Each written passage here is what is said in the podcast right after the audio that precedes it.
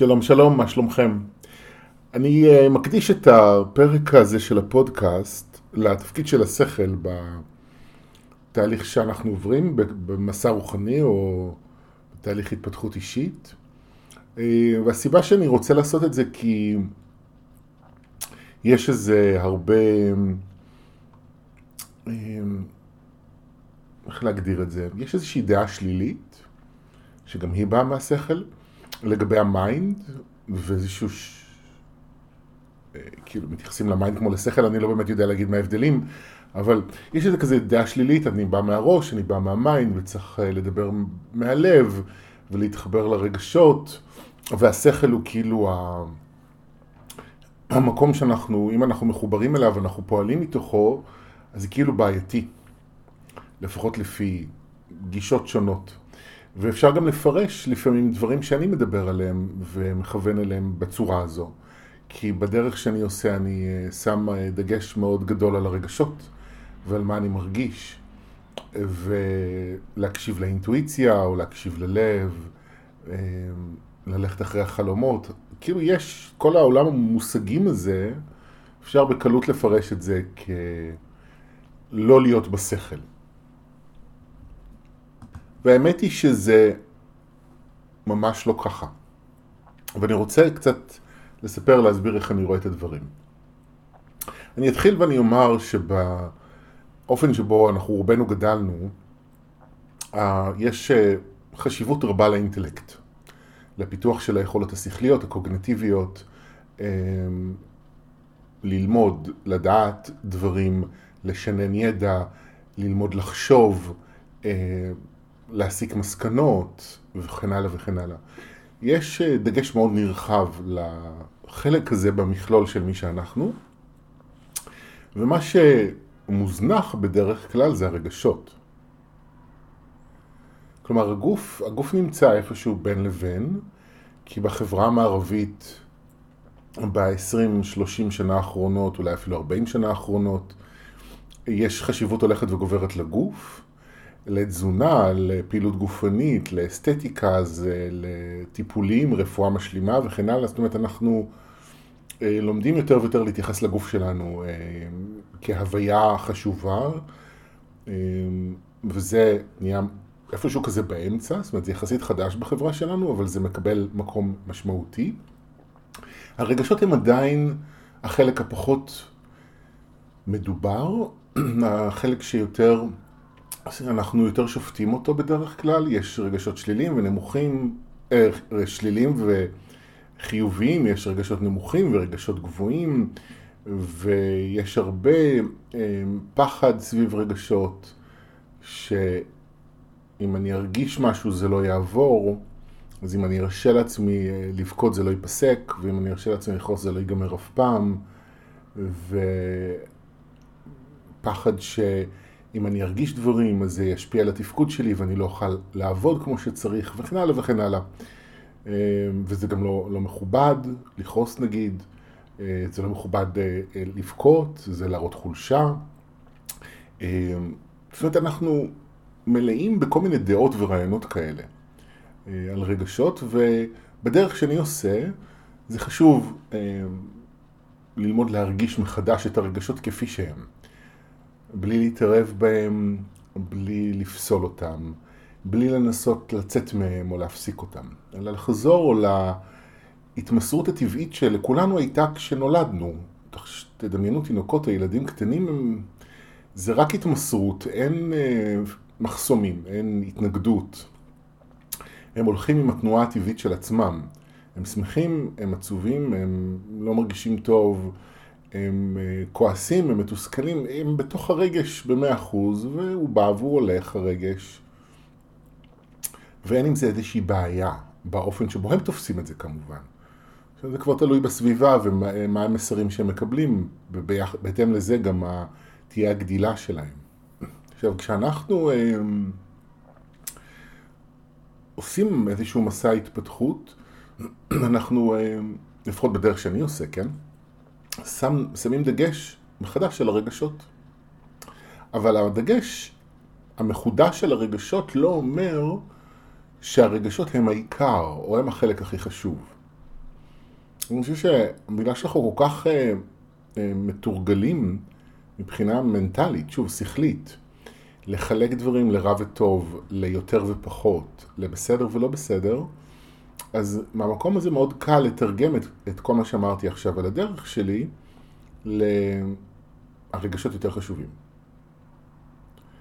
עכשיו, האמת היא שהרגשות חשובים, ואני שמח גם שהחשיבות שלהם נהייתה ברורה במהלך השנים. אני מכיר את ורדה, המורה שלי כבר 25 שנה, והיא הייתה הבן אדם הראשון בחיים שלי שדיבר על להסכים להרגיש. אנחנו מדברים על 90 ו, שנות, אמצע שנות ה-90. זה היה מאוד אה, יוצא דופן בעולם הרוח של אותם הימים, והאמת שגם של הרבה שנים אחר כך. אני חושב שאיפשהו בחמש, אולי עשר שנים האחרונות, השיח בעולם הרוח משתנה ויש הבנה יותר אה, גדולה, ולא רק דרך אגב בעולם הרוח, יש הבנה יותר גדולה אה, שחשוב להרגיש, ושאנחנו צריכים לאפשר לעצמנו את החופש במקום הזה. אמ, אבל עדיין, זה, אם אני מסתכל על האינטלקט שמעודדים אותנו ולפתח אותו, זה עשרות על עשרות שנים, והגוף זה עשרות בודדות של שנים, אז המקום שאנחנו רגילים לתת לרגשות שלנו הוא החלק, ה... הוא... זה אורך הכי מעט זמן. פחות מעשור לדעתי, זה מאז שהשיח סביב הרגשות, השיח המעודד נהיה נפוץ. אז שוב, קל לחשוב ולתרגם את זה ולהגיד, הרגשות הם העיקר. והאמת היא שזה לא ככה. האמת, מהאופן שבו לפחות אני רואה את הדברים, זה שהכל הוא מכלול. כלומר, יש את השכל שיש לו תפקיד. יש לו תפקיד. אנחנו לא צריכים לוותר עליו. אנחנו פשוט צריכים ללמוד איך להשתמש בו. ואיך לא להשתמש בו. ויש את הרגשות, שגם להם יש תפקיד. והם חשובים, ואנחנו צריכים ללמוד איך להשתמש בהם, אבל גם איך לא, אוקיי? ואני אסביר אה, למה אני מתכוון. אה, בואו נתחיל רגע עם הרגשות. הרגשות, ב... אה, הסיבה שחשוב בעיניי להרגיש, אה, או אחת הסיבות, יש הרבה סיבות, אבל אחת הסיבות העיקריות זה שהחיבור שלי לרגשות עוזר לי להבין איפה אני נמצא ומה אה, טוב לי ומה לא טוב לי. אה, כלומר, האם טוב לי בעבודה או לא? האם אני, אה, טוב לי בזוגיות או לא? האם טוב לי ב... באופן שבו אני מגשים את עצמי ומביא את עצמי לידי ביטוי בחיים האלה? האם אני מרגיש סיפוק והנאה או לא? וזה משמעותי, כי אנחנו נמצאים בעולם של שפע של אפשרויות, אוקיי? זה לא פעם שהיו, ויש עדיין כאלה מקומות בעולם, שאתה נולד ואתה פשוט ממשיך לעשות את מה ש... לעסוק באותו מקצוע שעסקו לפניך בהורים שלך או והדורות לפני זה. יש איזה מין כזה המשכיות שהיא מקובעת, אין באמת חופש בחירה. אז אנחנו חיים בעידן של חופש בחירה, שיש שפע. אפשר לגור בכל מיני מקומות, בכל מיני ארצות, לעבוד בכל מיני מקצועות, להמציא מקצועות, אה, אפשר להיות בכל מיני סוגים של מערכות יחסים לבד, בזוגיות, זוגיות מונוגמית, זוגיות פתוחה, פוליאמוריה. אפשר להביא ילדים, אפשר לא להביא ילדים. אפשר לעשות הכל היום כמעט. והשפע הזה, אפילו בחנויות, תחשבו, אתם נכנסים לסופר, שפע מטורף של אופציות בכל קטגוריה כמעט. ואני צריך לבחור. עכשיו, איך אני יודע מה לבחור? אז החוויה הרגשית שלי נותנת לי אינדיקציה מאוד חשובה. אם טוב לי במקום מסוים, מעולה. אם לא טוב לי, אני צריך לשאול שאלות, אוקיי? עכשיו, מה זה אומר לשאול שאלות? זה אומר להתחיל לראות למה לא טוב לי, אוקיי? כי אם לא טוב לי במקום אני סובל, למה להיות שם בעצם? למה להישאר? אבל, אז, אז רגע, אני רגע אולי אחזור שנייה משפט אחורה ואני אגיד, שהעובדה שרגשות נותנים לנו אינדיקציה כזאת היא מאוד חשובה, כי זה כמו עוגן שעוזר לי להתחבר למציאות. כי בראש אני יכול להיות בכל מיני רעיונות של מה טוב לי. השכל יגיד זה כדאי, זה כדאי, זה כדאי, זה כדאי. יכולים להיות כל מיני שיקולים של עלות תועלת. כדאי לך, אני זוכר בתיכון, שכולם עודדו אותי ללמוד לבגרויות ריאליות, כדי שיהיה לי איזשהו ניקוד מסוים שיאפשר לי להיכנס לאוניברסיטה. וניסיתי לעשות את זה.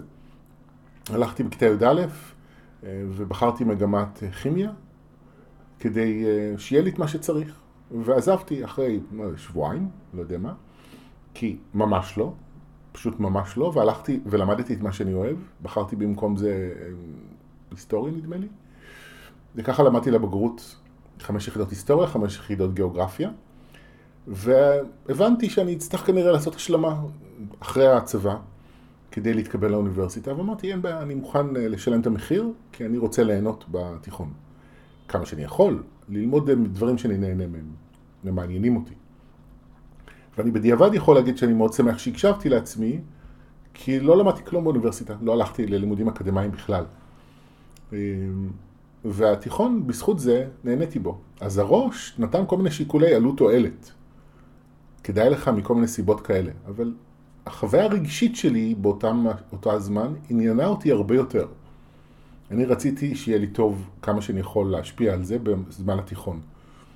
וההקשבה לעצמי הוכיחה את עצמה בהמשך הזמן, כי עובדה שבנתיב שבו בסופו של דבר הלכתי, לימודים אקדמיים לא יצאו אל הפועל.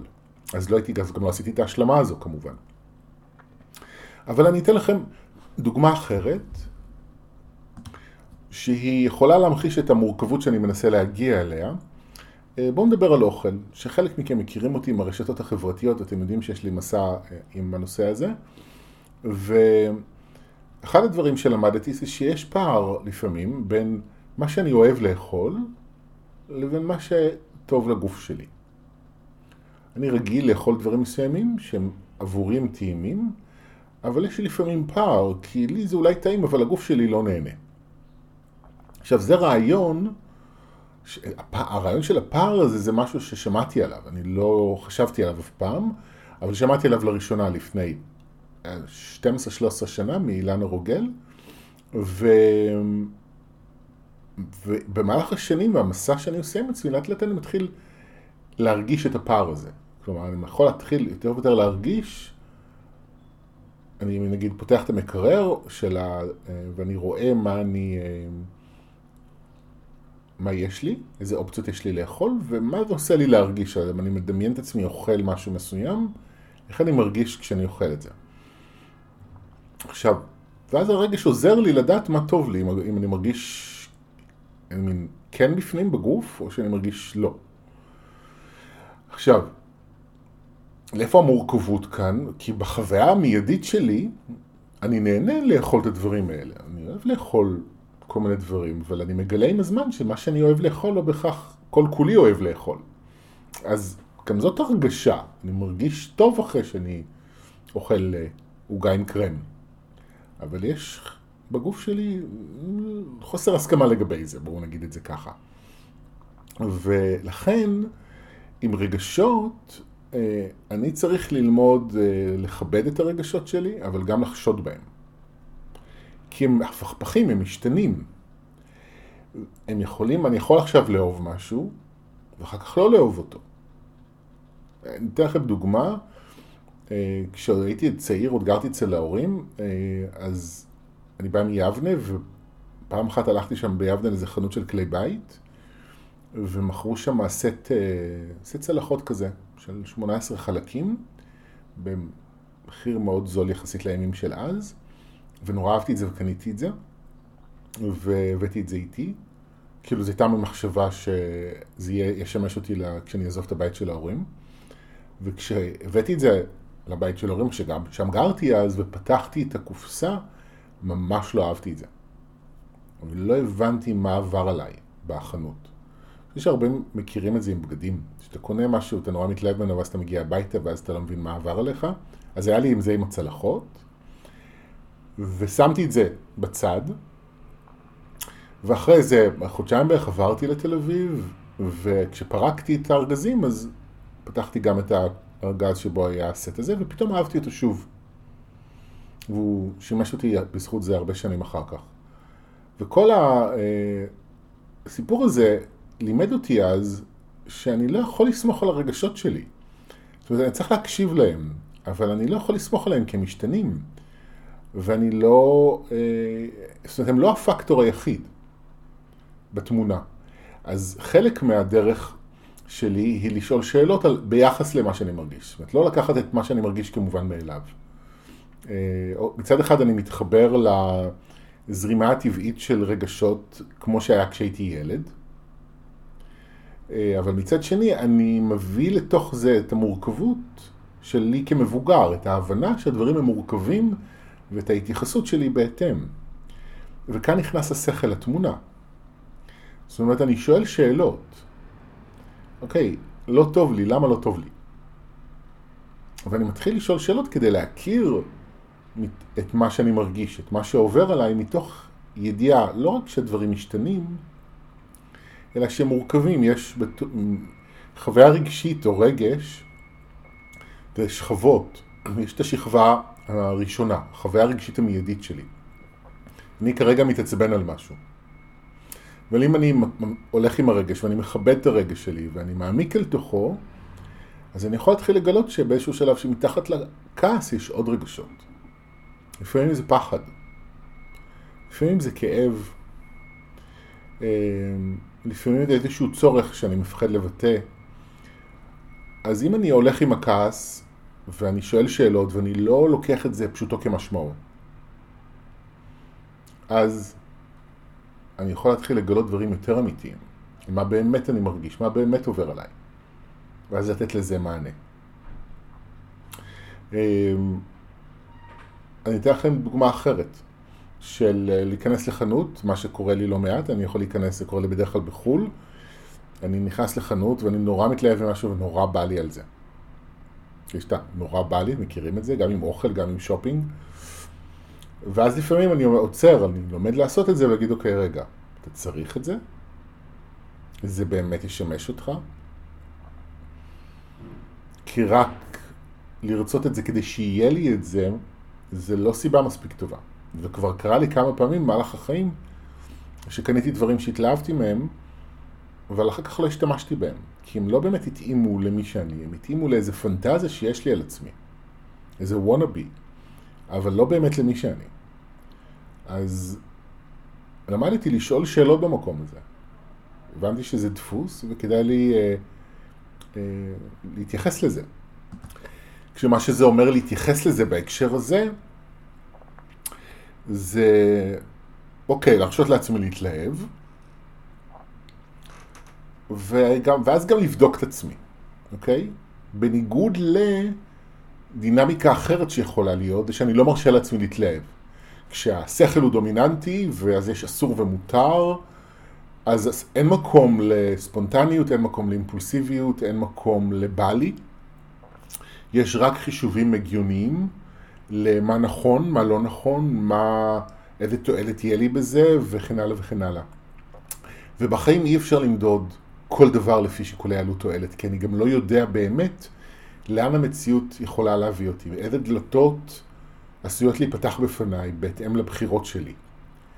והשכל הרבה פעמים, אה, אנחנו משתמשים בו בשימוש יתר, כשאנחנו מנסים לעקוף איזושהי מידה של אי ודאות, ולתת לעצמנו איזשהו סוג של ביטחון. אז אני נותן לעצמי כללים מסוימים וחוקים מסוימים, שאם אני אפעל לפיהם, אז יהיה בסדר. אוקיי? אמ, אני אתן לכם דוגמה. הרי בשנים האחרונות המדינה מחייבת את כל העצמאים אה, להפריש לקרן פנסיה. וקרן פנסיה זה, זה דוגמה מאוד טובה לזה, או נגיד אפילו ביטוח, אתם יודעים מה?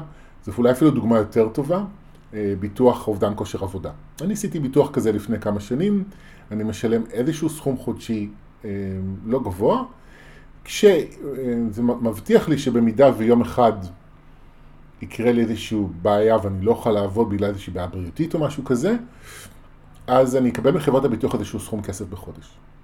עכשיו, הסכום שאני אמור לקבל לפי הביטוח הזה הוא יותר נמוך מההוצאות שיש לי בחודש, היום. הוא כן טעם את המקום שהייתי בו אז, אבל הוא לא מתאים כל כך למי שאני היום. אני יכול כמובן תמיד לשנות את זה. אבל אני גם לא באמת יודע למה לשנות את זה, כי יכול להיות שאני אצטרך לא להשתמש בזה אף פעם, ויכול להיות שאני אצטרך להשתמש בזה אי שם בעתיד הרחוק, ואני לא באמת יודע מה יהיו הצרכים הכלכליים שלי בנקודה בזמן שבה אני עלול להשתמש, ב... להזדקק לביטוח הזה. אה, אני גם לא יודע מה יהיו ההוצאות שלי, וגם לא, אני לא יודע כמה כסף יהיה לי בכלל בצד בתקופה הזאת. בקיצור, אני לא יודע הרבה דברים. אז הביטוח או קרן פנסיה, כאילו זה מין איזה, אני, זה נותן איזשהו ביטחון, אוקיי, אני מפורסם כסף לטובת העתיד שלי, אבל זה נותן איזושהי אשליה של שקט, כי אני לא באמת יודע מה טמון בהמשך הדרך. איזה צרכים יהיו לי, איזה מציאות אני אגיע אליה, אני לא באמת יודע. אבל הכללים הללו נותנים איזושהי מידה מסוימת של ביטחון. עכשיו, אני לא נגד, שתבינו, אני לא נגד תחושה של ביטחון, כמובן, אני מפריש לקרן פנסיה ויש לי ביטוח אובדן כושר עבודה כאמור, אבל... אבל בו זמנית אני גם יודע שאני לא יודע. והידיעה הזו, שאני לא באמת יודע מה יקרה ומה לא יקרה, אמ, מאפשרת לי אה, יותר גמישות ויותר הקשבה למי אני עכשיו. אני לא מסתמך אך ורק בהחלטות שלי מה הגיוני ומה לא הגיוני. כי יש הרבה דברים שעשיתי בחיים שהם לא היו הגיוניים והניבו דברים מדהימים. אוקיי? אמ, אני זוכר שפעם אחת אה, פנו אליהם עיתון לקהילה הגאה וביקשו ממני לכתוב להם איזשהו מדור בהתנדבות ואני התלבטתי אם לעשות את זה או לא. הייתי מאוד עמוס באותה תקופה בעבודה והחלטתי לעשות את זה. למרות זאת, וזה אה, פתח לי אה, דלת שלא חשבתי שהיא קיימת בכלל לעבודה עם קבוצת הארץ. אנחנו מדברים על משהו שקרה לפני 12 שנה נדמה לי, וזה, זו דלת שנפתחה אז, ואני ממשיך לכתוב או עובד עם אה, קבוצת הארץ עד היום, עם כל מיני פרויקטים עיתונאיים, ואני בכלל לא דמיינתי שזה יקרה שם. עכשיו, אני זוכר את ההתלבטות הזאת, כאילו, כי זה לא היה הדבר הכי הגיוני לעשות אותו. הייתי נורא עמוס בעבודה בתקופה ההיא. אה, נכון שהמדור הזה לא דרש ממני הרבה מאמץ, אבל בכל זאת דרש התייחסות, אני לא יכול לזלזל בזה. ולעשות את זה דרש מאמץ. והחלטתי לעשות את זה. וזה פתח משהו מדהים בחיים שלי. שאני מודה עד היום על זה שעשיתי משהו שהוא כאילו לא הגיוני, אבל, אבל עשיתי אותו כי הקשבתי לעצמי. אז שוב, אז הביטוי הזה, הקשבתי לעצמי, הוא, הוא בדוגמה הזו, אוקיי, הקשבתי למשהו שבא לי. אבל כמו שסיפרתי מקודם על השופינג, יש פעמים שאני, ההקשבה לעצמי היא לא למה שבא לי באותו רגע.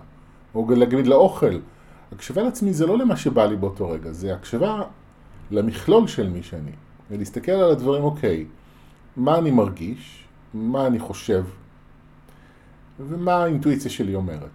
זה בעצם שלושת המרכיבים בקבלת החלטות.